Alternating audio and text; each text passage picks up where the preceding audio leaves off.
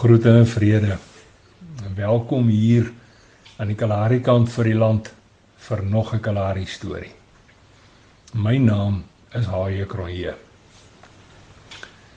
Genesis 26, dis nou die 28ste versie in die Nuwe Lewende Vertaling sê: Hulle antwoord hom: En dis vir ons duidelik dat die Here met jou is.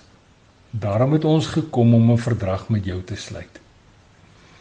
En vanmiddag se storie se naam Storie van my lewe. En dit is kort voor die middaguur se uitvaltyd. Die mooiste mooi en Annie loop al gesels in die kantoor in waar ek my die dag besig hou. Na haar vriendelike groet, vra Annie met oë vol skaamte vir hulp. Die saak staan so beduie sy. En daar het 'n werkie by die koöperasie oopgegaan. Maar om die werk te kry, moet hulle my eers ken, beduie sy. En daarna verduidelik Annie saggies verder. Die mense van KLK ken my nie, maar nou moet pastoor goed my tog help om die storie van my lewe neer te skryf.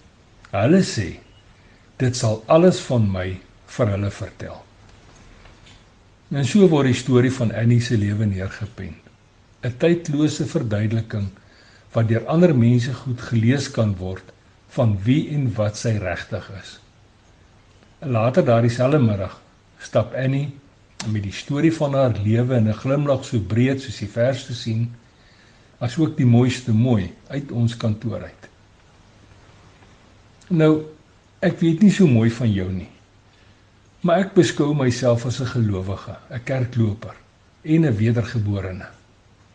Woorde wat ek graag duidelik in die storie van my lewe geskryf wil sien woorde om aan 'n wrede genadeloose wêreld te beduie wie en wat ek regtig is.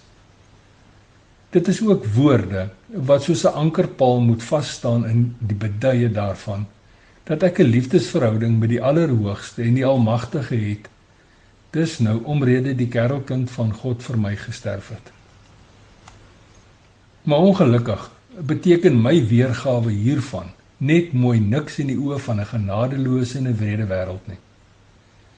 Al wat vir hierdie woestynery saak maak, is hulle beoordeling van my lewe. sien, die wêreld daar buite hou my en so ook vir jou as gelowiges met volk oë dop. Ons doen dinge word elke oomblik van elke dag geweeg, gemeet en gepas. Dit is al wat vir hulle saak maak, hulle beoordeling. Dis nou of ek of jy nou daarvan hou of nie.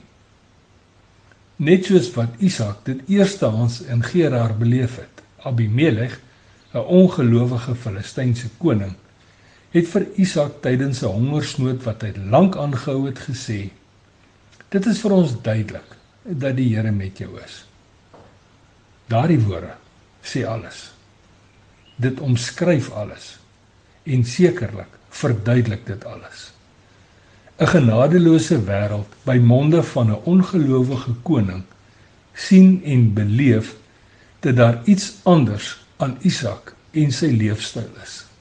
Daarom verklaar hierdie Filistyn dat die Here met Isak is.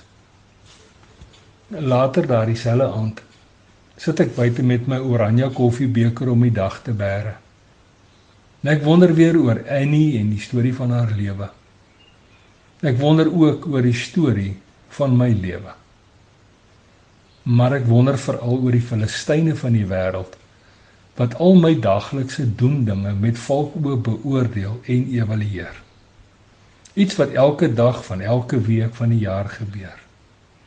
En laastens wonder ek of hierdie ongelowige Filistyne ook in my lewensstorie met hoofletters sal skryf. Dit is vir ons duidelik dat die Here met hom is. Nou ja toe, tot 'n volgende keer. Los mooi spore en sandkorrelbaai seëninge.